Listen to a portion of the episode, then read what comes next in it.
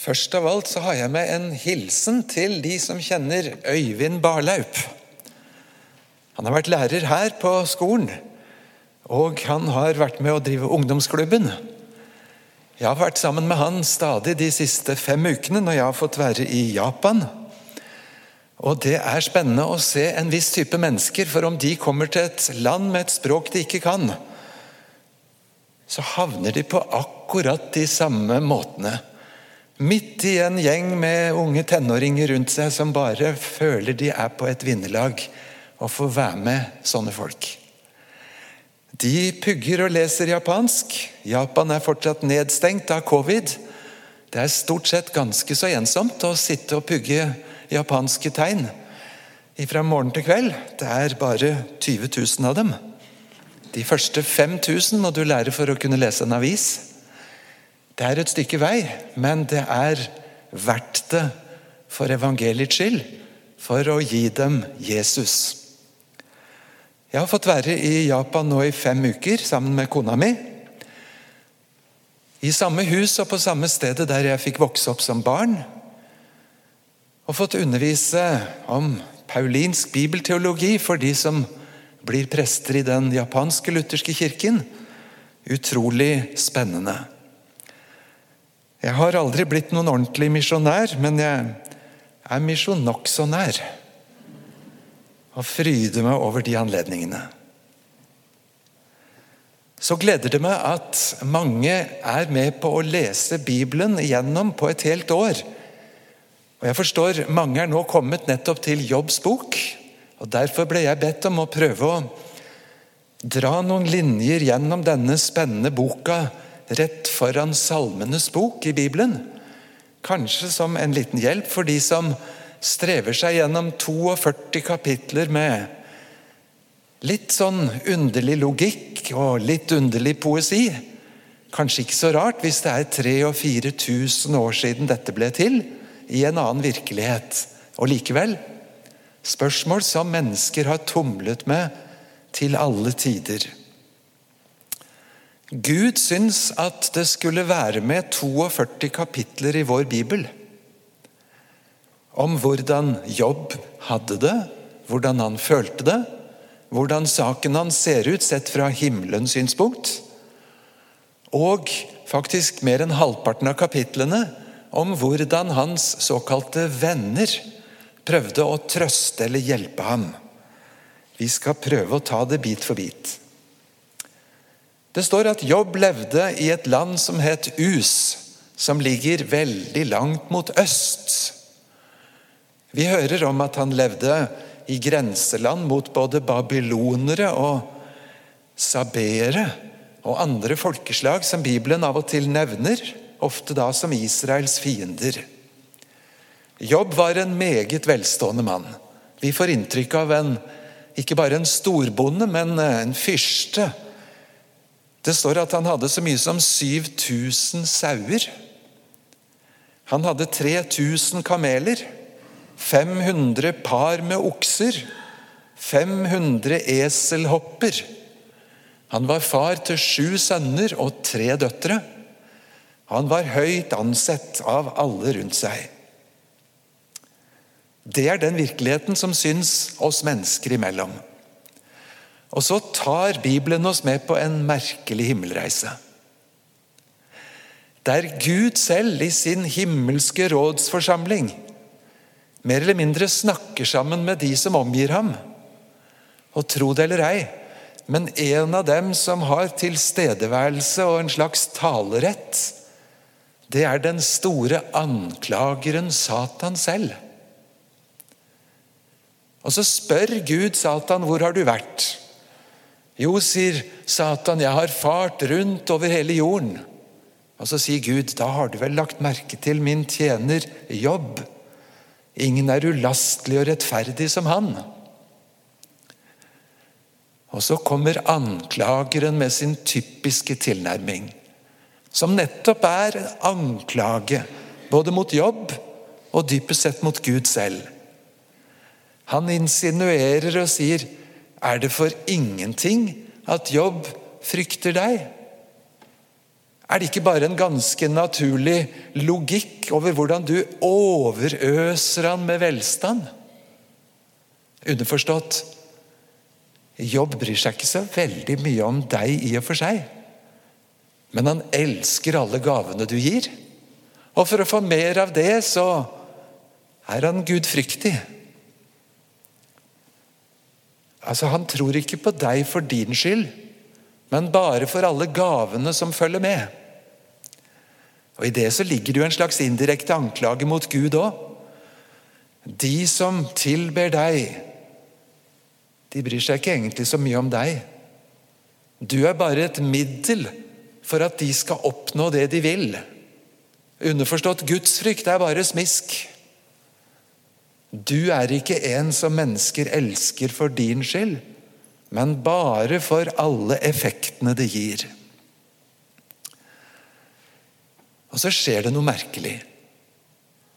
For Gud sier til Satan at ja, men så skal du få lov til å plukke ifra han alt det han eier.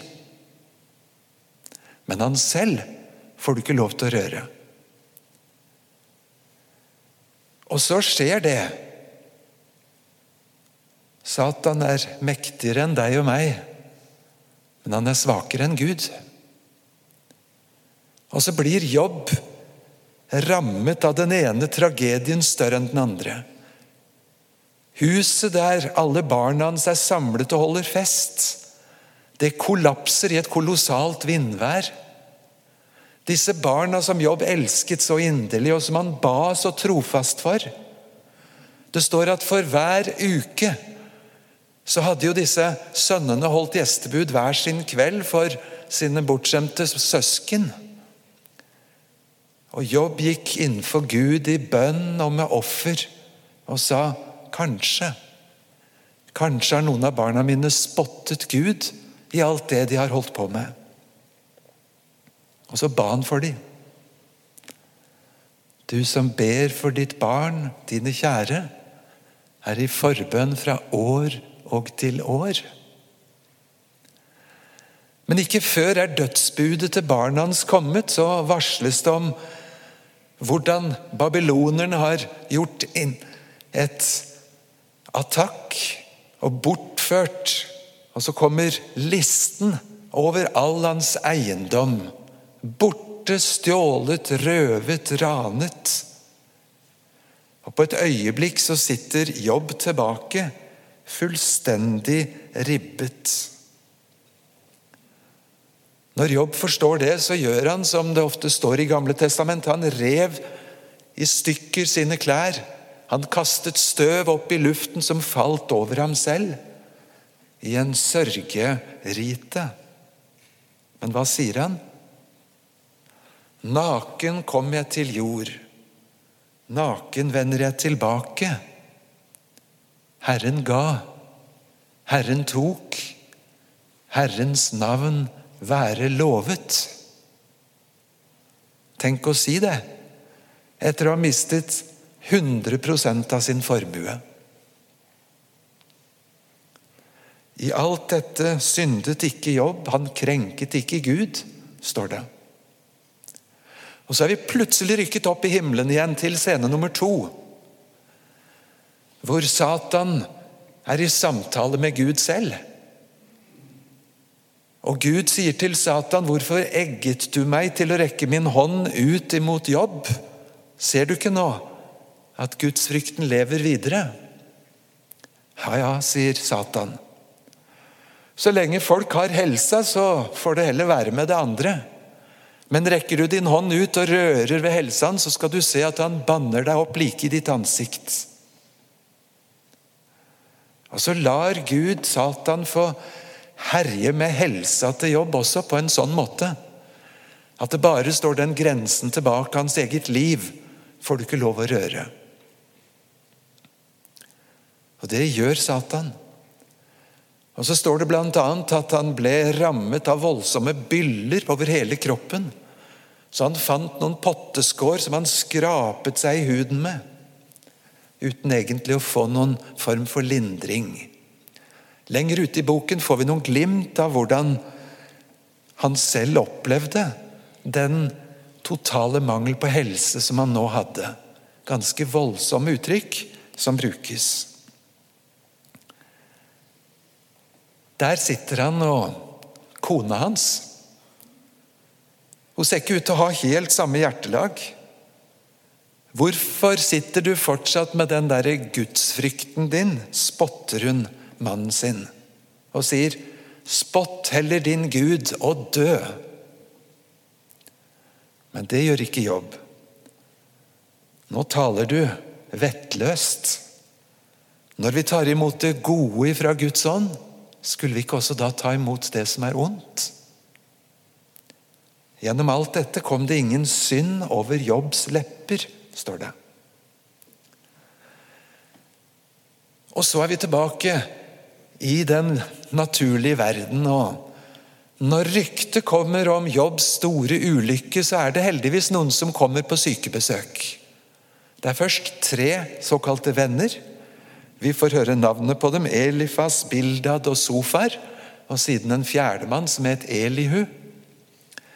Når disse tre vennene kommer og skal trøste ham og ser hvor ille det står til, så klarer de ikke å si et ord i sju døgn. Av romslige visittider. Sju døgn.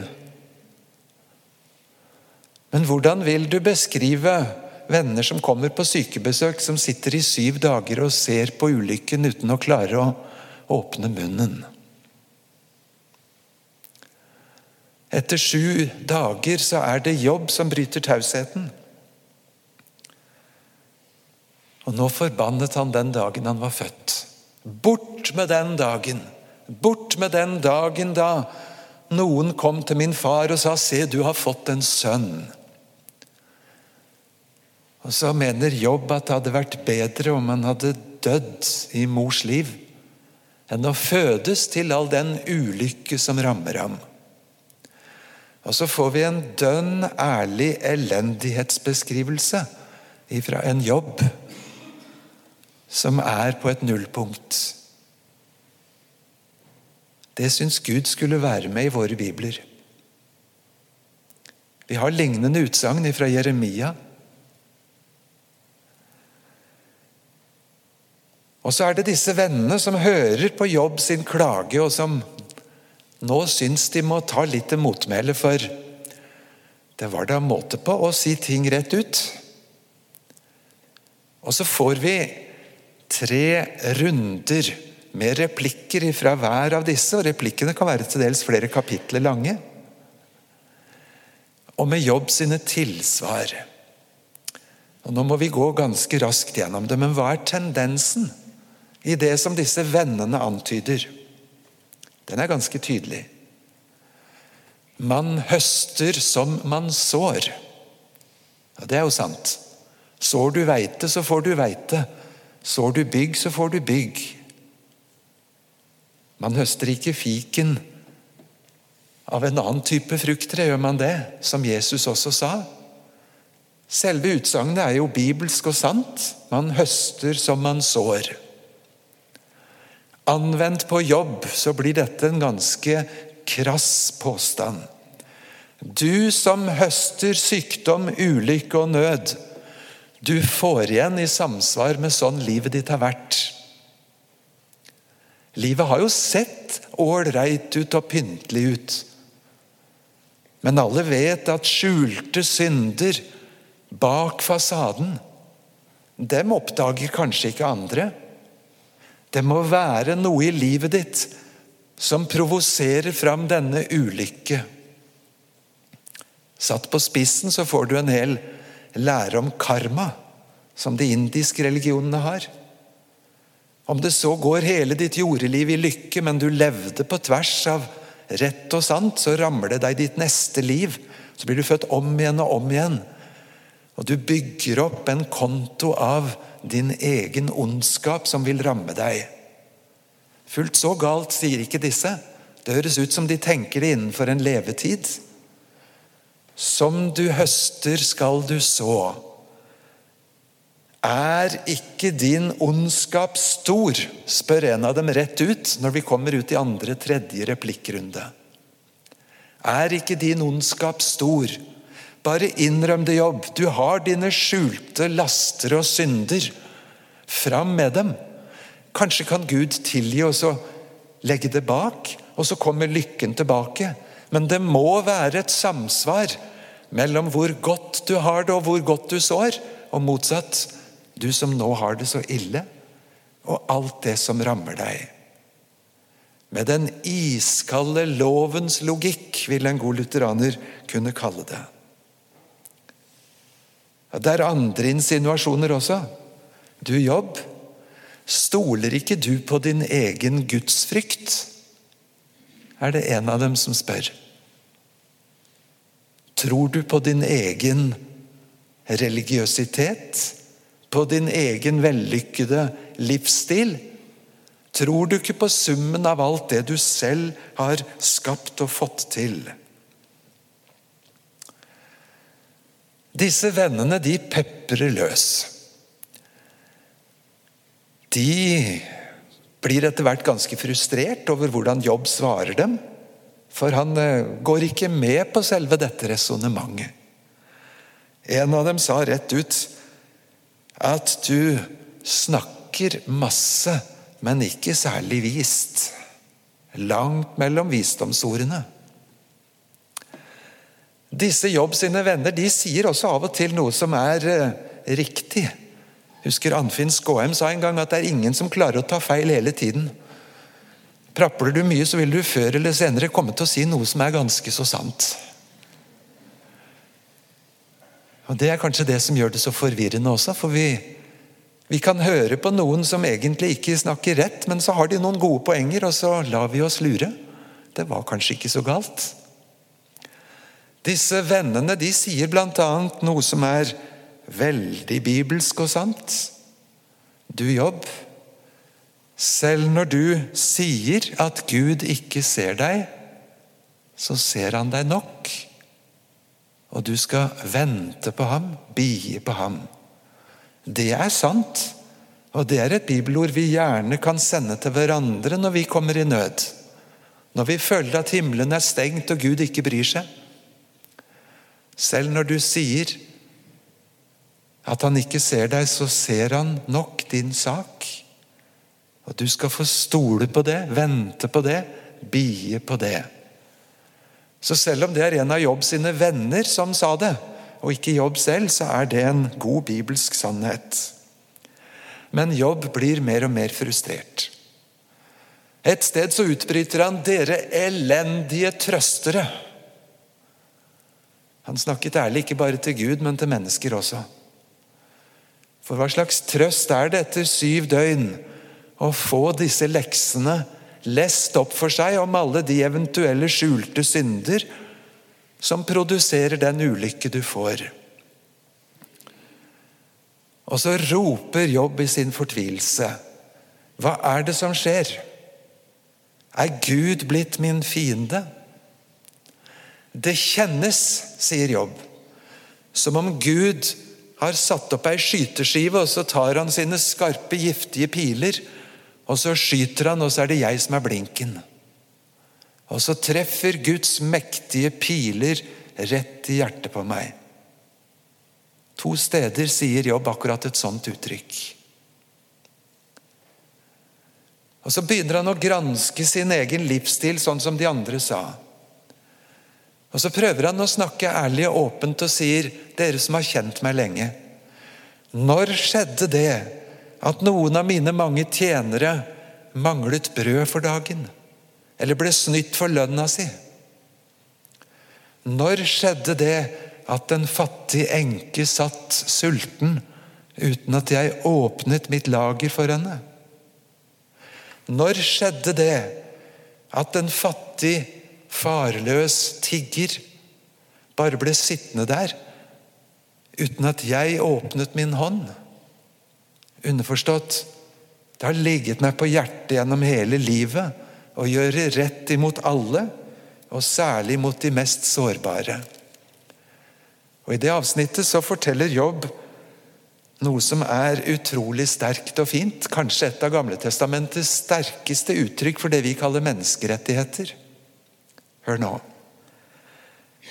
Han som laget meg i mors liv, har også laget den andre. Den samme dannet oss i morslivet. Den fattigste foreldreløse tigger og jeg, vi har samme skaper. Samme Gud skapte oss begge to. Skulle da jeg lukke mitt hjerte for hans nød? Jobb 31, 15, for de av dere som prøver å pugge bibelvers. Et utrolig sterkt og nyttig bibelvers. Et ekko fra 5. Mosebok, der Gud sier Gud elsker den fremmede og innflytteren. Derfor skal også dere elske dem. Et menneskeverd uavhengig av alle de faktorene som får så stor vekt hos oss. Nei, sier Jobb, sånn har jeg forsøkt å unngå å krenke mitt medmenneske. Og Så tar Jobb tak i selve det første bud, og så sier han Har jeg, har jeg satt min lit til gullet? Har jeg sagt til det edle metallet 'Jeg stoler på deg'? ikke det en talende måte å beskrive materialisme på?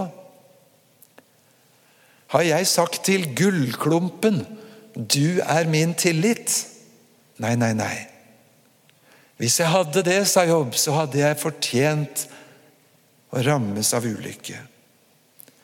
Og Så blir Jobb mer og mer fortvilt, og så sier han hvis bare min motpart, altså Gud, kunne sette seg og skrive ned i klare punkt hva er det jeg har gjort som gjør at alt dette rammer meg.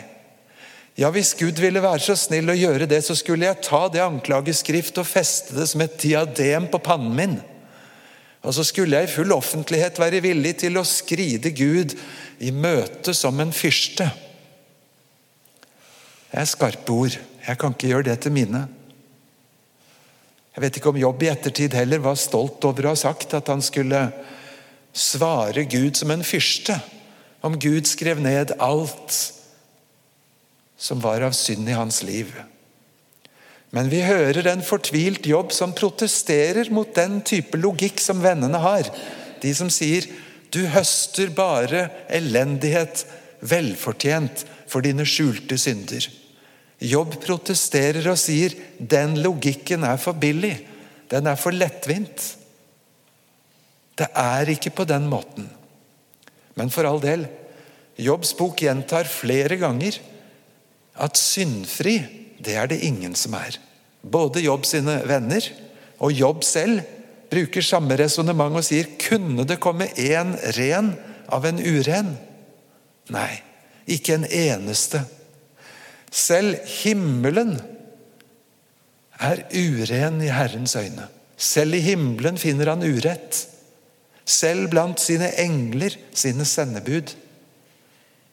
Han påstår ikke at jeg er syndfri, men han sier noe samsvar på den måten dere sier. Det finner jeg ikke. Og Så er det spennende å lese at både i Jobbs bok, som vi hørte fra, nei, fra Jakobs brev, som vi hørte, og også i profeten Esekiel så løftes Jobb fram som et forbilde i rettferdighet. I Esekiel 14 så står det at synden i Juda og i Israel er så stor at om så Noah og Jobb og Daniel sto der i all sin rettferdighet, så skulle de ikke kunne berge dette folket. Sterke uttrykk for jo, det var et grunnleggende gudfryktig liv han levde. Når jobb er på nullpunktet og forstår han kommer ingen vei, kanskje døden nærmer seg, hva kan han da appellere til? Da sier han, 'Jeg vet at min gjenløser lever'. Som den siste skal han stå fram på støvet. Og jeg ut av dette ben og knokler, så skal jeg skue ham. I know that my Redeemer liveth. i Hendels Messias. Fantastisk framført på den måten. Dette ordet 'gjenløser' det har en helt spesiell og varm klang i Gammeltestamentet. Det er den i slekten som har ansvaret for gjeldsofrene, for de som er kommet i ulykke. Løsningsmannen er han som må løse ut av gjeldskrise, av nød, en slektning. Om det så skal koste ham riktig så dyrt. Og så vokser ordet 'gjenløser' ifra en sånn sponsor i storfamilien til å bli et uttrykk for Gud selv, som er vår gjenløser. Og som bærer forpliktelsen til og med etter døden. Og så er Jesus dypest sett vår gjenløser. Og så er det som om Jobb appellerer sin sak innenfor Gud og sier her kommer jeg ingen vei. Kanskje livet mitt ender i denne ulykken. Jeg appellerer til Han som får ordet til slutt. Han som alene skal bære det. Slik går disse rundene med samtaler. Og heldigvis så lar ikke Gud Jobbs bok slutte der. Vi får fire-fem korte kapitler på slutten som gir oss en ganske så overraskende runde. For der er det ikke lenger vennene og jobb som småprater, men da er det Gud selv som nettopp gjør som Jobb har bedt om. Han kommer ansikt til ansikt med jobb.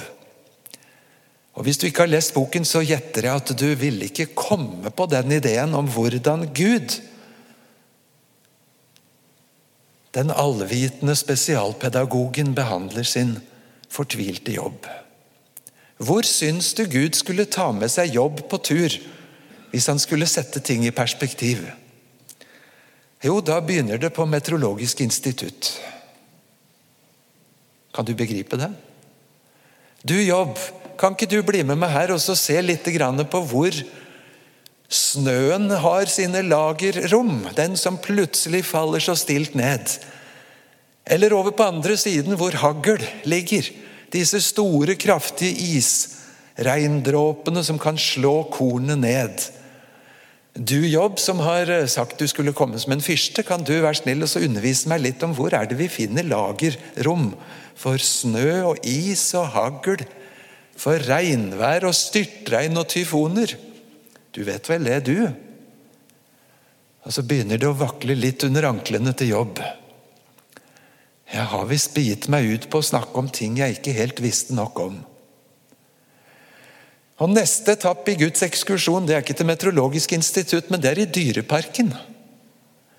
Og Så tar Gud med seg jobb og sier, 'Du som vet og skjønner, har du studert løvinnen når hun er på jakt etter rov?' Har du studert kjevene hennes, tennene hennes? Har du sett nøye på muskelbruken og taktikken hennes? Eller på en ravn?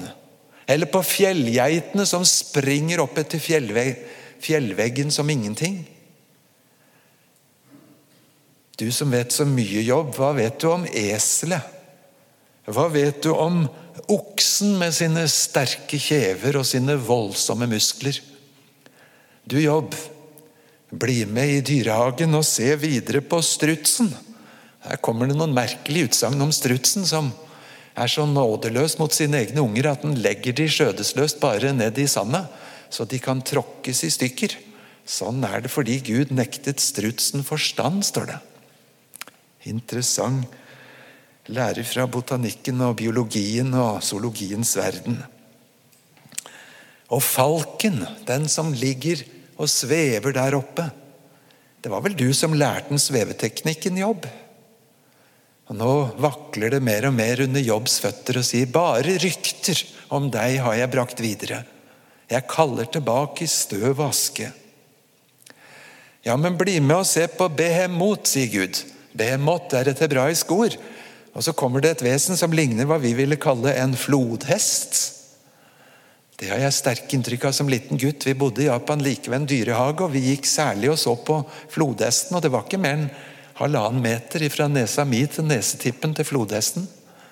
Gapet var over en meter stort. Jeg husker det i marerittet til denne dag. Har du sett på flodhesten når den står imot vårstrømmen i Jordanelva? Støtt på sine egne ben. Om hele Jordan fosser imot den, så bare åpner den kjeften og smiler litt til vannstyrken. Og hva med Leviatan? Kanskje krokodillen? Har du sjekka tanngarden dens?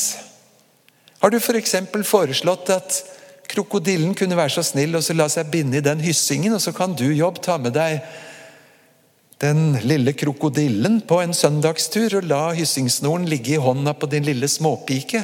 Tror du den ville lyde deg vakkert som en puddel eller et lite kjæledyr? Og så er altså logikken fra Guds side hele denne mektige skaperverden rundt oss er ikke det i seg sjøl sterke nok vitnesbyrd til at du aner din litenhet og det enorme spennet? Og Så tar Gud han ned på en liten vandring i astronomien med de forskjellige stjernebildene. Og Virkeligheten er ikke dårligere for oss som har fått tall på det hele. Jeg har lest at Melkeveien, som vi er stolt over å tilhøre, den inneholder noe sånt som 300 milliarder stjerner. Men skal du vite hvor mange stjerner som lar seg observere på stjernehimmelen, så skal du gange det med 230 milliarder til. Melkeveien er altså bare en av 230 milliarder sånne stjernetåker. Og Skal du skrive ut tallet på de registrerte stjernelegmene da, så kommer du til noe sånn som 70 trilliarder. Det er 22 nuller etter hverandre. Hvor stor blir du og jeg da? Hvis det er sant at det er like mange stjerner på himmelen som det er sandkorn på jorden vår Det tallet svarer til hvor mange atomer det er i ti gram med kull. Da roper både makrokosmos og mikrokosmos til oss noe om en uendelig stor Gud som sprenger våre rammer. Og Nå er Jobb kommet dit at han bøyer seg fullstendig innenfor Gud 'Dette har jeg ikke forstått'. Men hva sier Gud da? Da sier han, 'Du, Jobb, har talt sant om meg'. Det gjorde ikke dine venner, og nå er min harme vendt mot disse dine venner. Så nå skal du ofre, og så skal du be for dine venner, at ikke min vrede må ramme dem. Logikken til disse som skulle finne et samsvar og en likevekt mellom hva vi sår og hva vi høster, og som gjør Gud til bare en automat som får det hele til å gå opp etter vårt regnestykke. Det er en protest imot Gud. Det ondes problem lar seg ikke løse på en sånn input og output-måte. Og så er det på en måte jobb som får plusstempelet han som erkjente sin litenhet. Og så lar Gud velsignelser vende tilbake i jobb sitt liv med en ny familie, med ny rikdom og ny velstand. Og så er det ikke sant, det Satan sa, at Gud ikke er verd å elske for hvem han er. Eller at Gud lar seg forstå innenfor bare hvilken krone du putter inn, og hvilket produkt du får ut av automaten. Gud er større. Gud sprenger rammen. Løste det dilemmaene for oss om lidelsens problem? Neppe. Jeg skal ikke påta meg å, å finne en enkel one-liner som får det til å gå opp. Men hører du hvordan alt vendes mot Gud? Både mot hans skapermakt og mot alt det andre. For skapermakten til Gud det er bare utkanten av Guds verk, sier Jobb et sted. Jeg syns det utsagnet er så fint. Hvis vi lar oss fascinere av 70 trilliarder stjerner, så er det bare helt ute i periferien. Hvor er sentrum? Sentrum av Guds verk. Hans sønn gitt i døden for våre synder av kjærlighet til deg og meg, for at du og jeg skal dele evighet med Han for all ettertid. Da er vi ikke ute i utkantene og periferien. Da er vi like i sentrum. Ja, Det har jeg visst hørt før, sa du. Velsigne deg som har fått høre noe så stort før også. Og velsigne deg som ikke skriver det på konto av selvfølgeligheter, men ser Guds godhet i det. Han som skapte alt dette mektige, han som fører historien, hans visdom som sprenger mine kategorier. Han elsker lille deg og lille meg så sterkt. Bøyer seg ned til støvgrannet og sier at han vil dele en evighet med oss. Og Kommer vi dit, så får vi kanskje snakke litt mer med jobb. Om vi leste det litt for fort. Og kanskje få se det i et annet lys enn vi maktet underveis. Velsigne deg til å lese hele Bibelen. Og må Gud gi sin Hellige Ånd til å forklare langt utover det lille vi forstår.